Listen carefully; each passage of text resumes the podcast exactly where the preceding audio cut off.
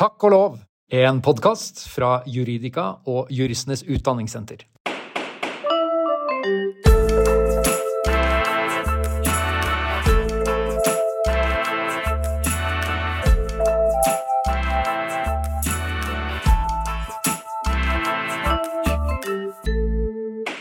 Hei, og hjertelig velkommen til nok en episode av Takk og lov, hun er alene.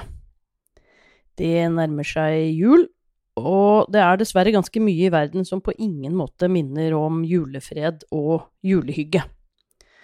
Jeg skal i dag tenke på et av eh, de temaene som eh, på ingen måte bidrar til dette, dessverre. Men jeg skal gjøre det med gjenklang fra ja, hva skal vi si, kanskje ikke en julefortelling, men iallfall en juleinnspurt i Kristiania med K for 122 år siden. Hva i all verden har dette med noe å gjøre, tenker du? Og det er jo ikke så rart, det skal jeg straks komme tilbake til.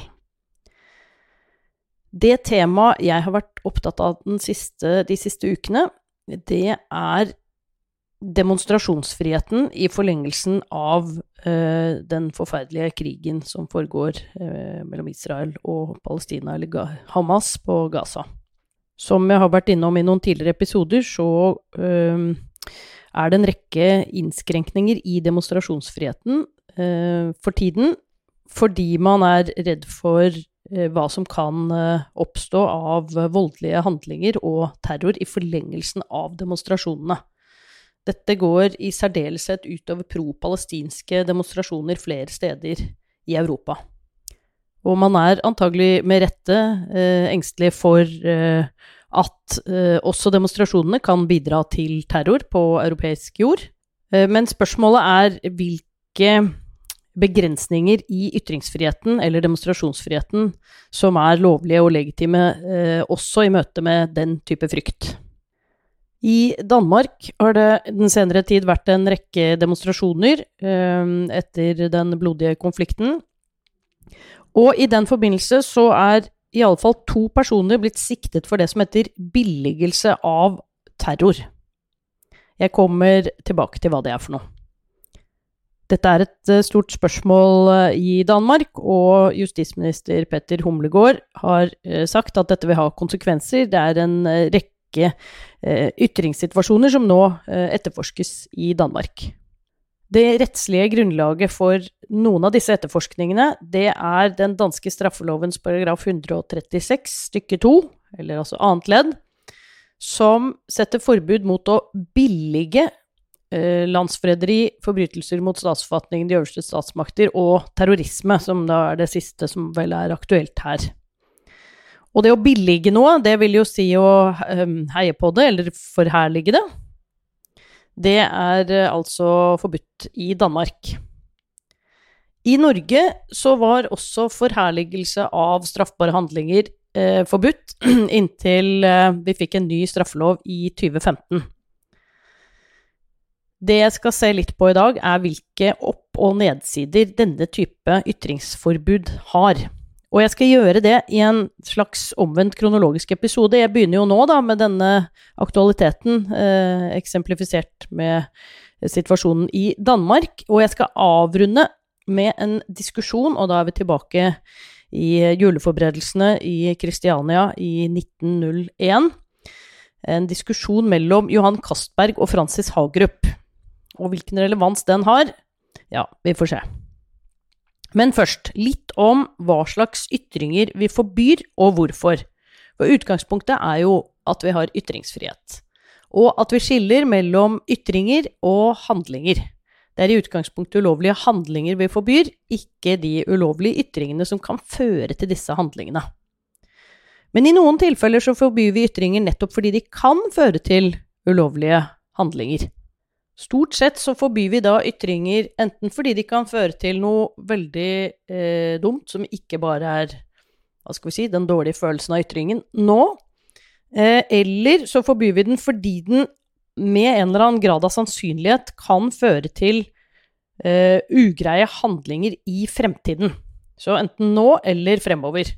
Hvis vi tenker på nå, så er jo noen eksempler på ytringer som forbys for å hindre andre dårlige konsekvenser nå, det er f.eks. For forbud mot trusler. Eh, eller også eh, sjikane. Altså den, eh, den, effekten som oppstår som følge av denne typer ytringer nå, er grunnen til at vi forbyr selve ytringen. Enten en veldig redsel eller en, eh, et voldsomt ubehagsfølelse ved å bli utsatt for eh, sjikane. Eh, også for eksempel, og hvis vi ser litt mer fremover, så kunne man tenke seg kanskje eh, ja, hatytringer. De er jo uh, Hatytringsbestemmelsen er jo der ikke primært for å verne den fæle følelsen du får av å bli utsatt for en hatytring, men det hatet som kan oppstå i storsamfunnet mot de beskyttede minoritetene eh, som følge av ytringen. Så litt på sikt, på et vis. Samme med oppfordringer til straffbare handlinger. Det er jo eh, at man oppfordrer til en eller annen handling som ikke har funnet sted ennå, men som kan komme til å finne sted i fremtiden, og med da større grad av sannsynlighet eh, som følge av ytringen. Vi har forbud mot oppfordring til straffbare handlinger, vi har forbud mot oppfordringer til terror og folkemord. Så det som er spørsmålet, er om det å forherlige uh, handlinger som allerede er skjedd, altså det å ytre seg positivt om noe som har skjedd, i dansk uh, oversettelse å billige dem, eller på norsk da å forherlige dem, om det burde være forbudt. Uh, et argument for at det kunne være forbudt, det er jo at det er jo forferdelig for dem som har vært utsatt for eh, en terrorhandling, f.eks., at noen står og jubler over den etterpå. Samtidig så er kanskje et argument mot at den, den, selv om ytringen oppleves fæl, så er det jo ingen sannsynlighet, kanskje, for at den vil bidra til nye handlinger, for den sier jo noe om en handling som allerede er begått. Det kan jo hende at det å forherlige handlinger som allerede er begått, kan gjøre at noen blir inspirert til å foreta sånne handlinger også i fremtiden. Vi får se hvordan våre lovgivere har tenkt om dette, for det er det jeg skal dykke litt ned i nå. Den gamle straffeloven paragraf 140, også kalt oppviglerparagrafen, den eh, sa at den som offentlig oppfordrer eller tilskynder til iverksettelsen av en straffbar handling, eller forherliger en sådan, straffes med bøter eller hefte eller fengsel inntil åtte år, litt avhengig av hvilken type forbrytelse man oppfordrer oppfordret til eller forherliget. Bestemmelsen har vært eh, kritisert allerede fra starten av, det kommer jeg litt eh, tilbake til. Eh, men de hovedlinjene i kritikken mot bestemmelsen, det var jo at den eh, typisk ble brukt mot det som ble, det som ble ansett som politiske motstandere av det bestående eh, i de tidene den ble brukt. Det var særlig i 1920- eh, og 1930-årene at bestemmelsen unnskyld, ble brukt mot en fremvoksende arbeiderbevegelse. Eh, og eh, i en tid med ganske sterke eh, politiske brytninger og sosiale konflikter. Så våknet den noe til liv igjen i forlengelse av Blitz-miljøet. Det var en dom fra 1988 mot Stein Lillevolden som innebar for så vidt oppfordring til vold mot politiet, og også ordensforstyrrelser. Disse sakene aktualiserer jo både oppfordringer til fremtidige handlinger, eh, men også i noen grad forherligelse av allerede begåtte handlinger. Og det er særlig dette forherligelseskriteriet, eh, eller det er muligheten for å straffe forherligelse, som har vært eh, gjenstand for kritikk. Det er en veldig god artikkel av nå avdøde Kjell Andorsen i Tidsskrift for rettsvitenskap fra 1990. Jeg kan gi referanse i episodeteksten, som behandler eh, paragrafen i, eh, i, utstrekning. Og han gjengir også et interessant sitat fra Jon Skeie, som omtaler formålet med straffelovens 140 som egentlig ikke være å være det å hindre nye straffbare handlinger, men òg, motarbeide den masseforgiftning i rettsbevisstheten og den derav følgende nedbrytelse av statens autoritet i det hele, som slike oppfordringer, tilskyndelser eller forherliger kan føre til. I forlengelsen av den forrige ytringsfrihetskommisjonens eh, arbeid og kritikk av bl.a. denne bestemmelsen, og um, Eh, departementets og Straffelovrådets vurderinger av eh, særlig dette forherligelsesalternativet, så er eh, forherligelse av straffbare handlinger ikke lenger straffbart. I den nye straffeloven, paragraf 183, så er det bare oppfordringer til straffbare handlinger, altså den skaden som kan inntreffe i fremtiden som følge av ytringen, som er straffbart. Og grunnen til dette er nettopp forholdet til ytringsfriheten. Det er også slik i Norge at den særlige bestemmelsen som forbyr oppfordring til terror, nemlig paragraf 136, den har heller ikke et sånt forherligelsesalternativ. Eh, og det spørsmålet det kom på spissen i en sak fra Borgarting lagmannsrett fra eh, 2014. En av sakene mot eh, en kjent eh, islamist. Han ble dømt for en god del annet eh, i den saken, men eh, han hadde noen forherligende utsagn om begåtte terrorhandlinger, hvor lagmannsretten nettopp så på ytringene i lys av den endringen som var blitt gjort, hvor forherligelse ikke lenger var straffbart. Det gjaldt ytringer etter eh, at Statoil-anlegget inn, i In eh, ble eh, bombet, og, hvor 40 gisler ble drept. Hvor eh, den tiltalte da sa måtte Allah belønne våres brødre med den største og beste paradiset og drive fiender av islam ut av våres land og utslette dem. Det var også en hyllest etter bombeangrepet mot Boston Marathon i 2013. Ekte løver måtte Allah belønne dem. Og en eh, lenke etter eh, et eh, drap på åpen gate av en britisk soldat eh, i London Eh, som ble omtalt som gledelige nyheter, fra England. En terroristsvin fra det britiske militæret slaktet av våres modige brødre mens de ropte Allah akbar. Måtte Allah akseptere deres handling og intensjon og ydmyke fiender av islam på verst mulig måte. Så åpenbart ytringer som var egnet til å opprøre og Eh, helt sikkert skape mye frykt og, og, og, motstand. Men som lagmannsretten da kom til at uh, ut fra en normal uh, språktolkning, som jo skal legges til grunn i denne type saker, så var de ikke å anse som oppfordringer til nye uh, terrorhandlinger. De var å anse som forherligelse av det som allerede hadde skjedd. De kunne riktignok, fordi denne islamisten var en lederskikkelse, Eh, bli oppfattet som en oppfordring innenfor noen miljøer, men ut fra dette forsiktighetsprinsippet eh, når det gjelder straff av ytringer, så eh, mente lagmannsretten at de ikke var straffbare. Men på dette tidspunktet hadde vi da over, i over 100 år hatt et forbud mot forherligelse av straffbare handlinger, terror, andre ting uten at det i mellomtiden hadde blitt uh, opphevet, uh, selv om det da, som nevnt, var diskutert og til dels kritisert. Det var jo ikke veldig mye brukt en, en lang periode, men det begynte å bli brukt igjen, og det var vel kanskje noe av foranledningen for at Ytringsfrihetskommisjonen var opptatt av at man ikke skulle videreføre dette forbudet. Men de argumentene som er mot å ha et sånt forbud som dette, de var ikke nye med Ytringsfrihetskommisjonen. De fremkommer ganske klart av diskusjonene frem mot vedtagelsen av bestemmelsen eh, da det, da, den, da det opprinnelig skjedde, før vedtagelsen av straffeloven eh, av 1902. Og det er da jeg kommer tilbake til juleforberedelsene i Kristiania for eh, eh såpass lenge siden. Eh, og det er altså en diskusjon mellom Johan Castberg og Francis Hagerup.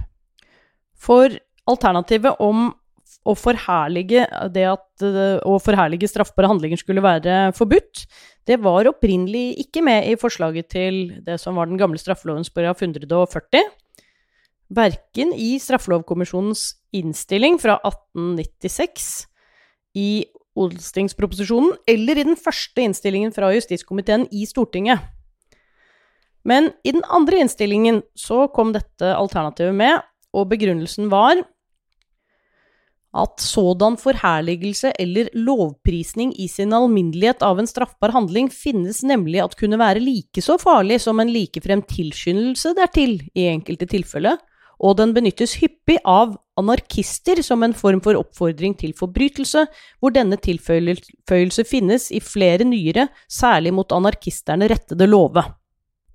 Så det er altså en veldig tydelig begrunnelse her. Eh, dette springer ut av en eh, det som da ble ansett som et problem i tiden, nemlig anarkister som uh, begikk drap og foretok seg andre straffbare handlinger, og hvor disse drapene eller straffbare handlingene deretter ble lovpriset i anarkistiske kretser, presumptivt da med en kanskje intensjon, men iallfall av og til en virkning, det var det man var redd for, at den kunne da inspirere andre anarkister til å foreta lignende handlinger.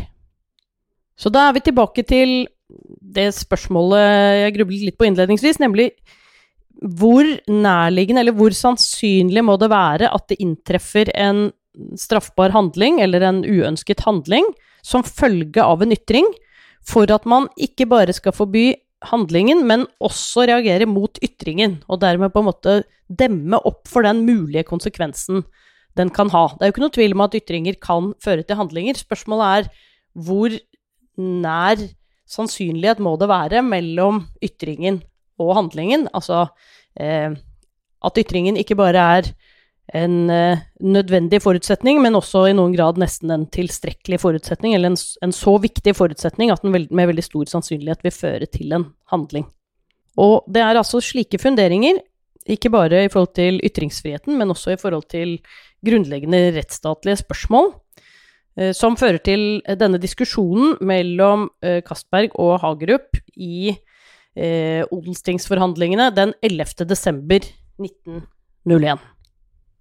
Og da skal det bli litt sitat fra gamle stortingsforhandlinger. De eh, eh, kommer her. Kastberg mener nemlig at man ved denne paragraf står like overfor et prinsipielt spørsmål som efter min mening er av ganske overordentlig betydning og rekkevidde.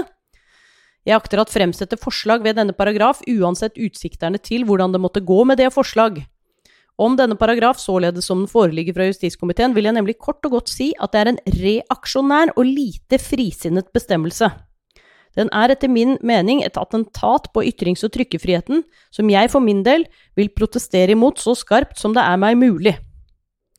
Eh, han er da kritisk til eh, at dette er et forslag som har kommet inn veldig sent i lovgivningsprosessen, og anser det som et forsøk på etter fattig leilighet at få en anarkistlov her i vårt land. Det er et forslag som er utsprunget av den stemning, den frykt om man så vil, som er fremkalt ved de siste års voldsomme attentater. Love som gives på grunnlag av døgnets stemning, som må sies at være tilfellet med disse unntagelseslove, er alltid farlige love. Og det kan man jo være enig i, selv om det er for så vidt politikkens vesen, det er jo å reagere på stemninger i samtiden. Eh, men den type reaksjoner kan jo av og til gå eh, på bekostning av noen andre idealer som også er viktige i demokratiske rettsstater. Kastberg er opptatt av at eh, bestemmelsen lett vil ramme nettopp politiske ytringer, og politiske ytringer som går på tvers av eh, det rådende flertalls eh, oppfatninger. Han fremholder også citat, at det ikke alltid kan sies at være forkastelig at lovprise denne slags gjerninger. Sitat slutt. Og så nevner han noen eksempler, og et av dem det er Uh, og da siterer jeg igjen Under de forhold der råder i Russland, foregår der ofte ting som bringer menneskets beste følelser i et sådant opprør at det må regnes menneskene til ære at de kommer i et sådant opprør at de later handling følge derpå. Jeg skal minne om tilfellet hvor tyranniske og grusomme politiembetsmenn har mishandlet sine fanger, har latt kvinnelige fanger voldtage, har behandlet dem på en, den avskyeligste måte, og at så et medlem av samfunnet i harme over dette går hen og hevner dette ved at begå en gjerning som efter loven er en forbrytelse. Jeg spør, kan det ikke tenkes at det er en gjerning foretatt under sånne omstendigheter at det bliver en av menneskeslektens heltegjerninger? Og det at lovprise dette skal altså kunne straffes. Dette er ikke oppkonstruerte bilder, det er tildragelser som er foregått i det virkelige liv. Og her kan man jo kanskje se noen paralleller til eh, dagens ulike kriger og krigssituasjoner som, som, pågår, litt avhengig av hvordan man ser på dem, og hva man er, eh, hvilke ugjerninger man er mest opptatt av eh, ulovligheten eller rettmessigheten av. At i alle fall det å mene at noe av det som skjer, er eh, om ikke av det gode, så i alle fall riktig. Eh, det er jo en type ytring som mange vil tenke at kan være ganske viktig. Castberg lurer også på omfanget av denne bestemmelsen, og hva slags type ytringer som egentlig kan rammes. Han nevner eh, en eh, russisk bok som, om fyrst Kraptokins selvopplevelser, som er en av de mest gripende bøker han kan erindre å ha lest.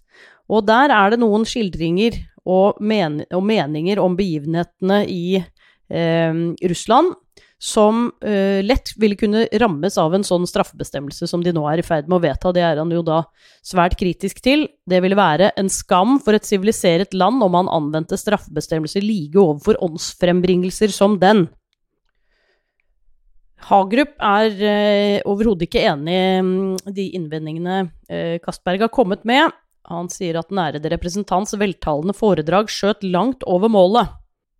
Han viser til en rekke av de anarkistiske drapene som er begått, og øh, mener å påvise at noen av dem nettopp har vært inspirert av øh, tidligere hyllester av tidligere lignende drap. Og så sier han sitat, den regelmessige fremgangsmåte som benyttes er nettopp den at når en sådan anarkistisk forbrytelse er besluttet, så utspredes, og så utspredes i den presse som står til anarkisternes rådighet, særlige lovprisninger eller forherligelser av den spesielle gjerning, hvor fortjenestefullt av samfunnet i sin alminnelighet det ville være at utføre den gjerning. Jeg tror at den alminnelige rettsfølelse ville virkelig føle seg i høyeste grad støtt hvis man i et sådant tilfelle sto maktesløs, og jeg føler meg også overbevist om at den alminnelige rettsbevissthet ville støtes hvis man sto maktesløst overfor sånne sådanne forteelser, som for eksempel fant sted etter McKinleys mord, at det er foranstaltedes festlige massesammenkomster til forherligelse av et mord, og hvor man moské skulle høre på festtaler til forherligelse av det. Det er forhold som absolutt ikke i et velordnet samfunn bør kunne tåles. Han mener derfor at den ærede representant, Castberg, skjøt ganske over målet med det bombastiske foredrag som vi nyss hørte. Da reagerer presidenten og vil gjerne ha seg frabedt at denne type omtaler som bombastisk, det må, eh, det må representantene eh, avstå fra i fremover. Hagerup er uenig og mener at uttrykket er parlamentarisk. Castberg trenger ikke noen beskyttelse overfor uttrykket bombastisk. Sitat, man er vant til at når det overhodet gjøres gjeldende en allmenn prinsipiell oppfatning, så er motstanderne der like overfor den sørger at representerer den tørre, sunne fornuft, livets praktiske behov etc., etc., som, som regel meget tilbøyelig til at feie den annen oppfatning av med den slags noget flotte betegnelser. Meg affiserer det selvfølgelig ikke. Kastberg har to argumenter til som vi kan merke oss ved. Det ene er eh, De viser jo begge til eh, eksistensen, eh, skråstrek ikke-eksistensen av tilsvarende lover i andre land, naturligvis. Og eh, Kasper viser her til de landene som skulle tjene til forbilde, var frihet, og jeg vil også si hva koldblodighet angår, nemlig de anglesaksiske landene. Der har man ikke kommet heseblesende med anarkistlov eller lignende, fordi om man har sett at der har foregått et attentat, der har man ikke misbrukt lovgivningen til at kneble ytringsfriheten av den grunn.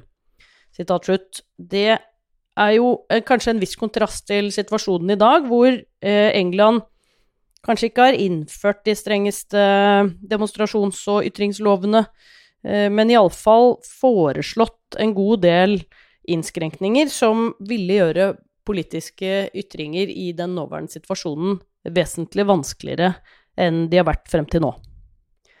Og så er det et viktig siste poeng fra Castberg her, som egentlig går på problemstillingen klassejustis, nemlig hva slags type ytringer er det man risikerer å ramme fra hvilke lag i befolkningen. Eh, han sier den innskrenkning som den ærede representant siktet til, nemlig innskrenkningen i den vitenskapelige drøftelse av fenomenerne, den tror jeg ikke det er egentlig er syndelig fare for. Men når man fremstiller meninger som støter an mot flertallets i en form som ikke er vitenskapelig, men i en form som venner seg til mengden, da er det faren for misbruk av samfunnets maktmidler er til stede. Og dette er kanskje et poeng å ta med seg ikke bare i forhold til spørsmålet om eh, forherligelse eller billigelse av eh, straffbare handlinger eller terrorhandlinger, men også mer generelt når det gjelder ytringsbegrensninger. Det er klasseperspektivet.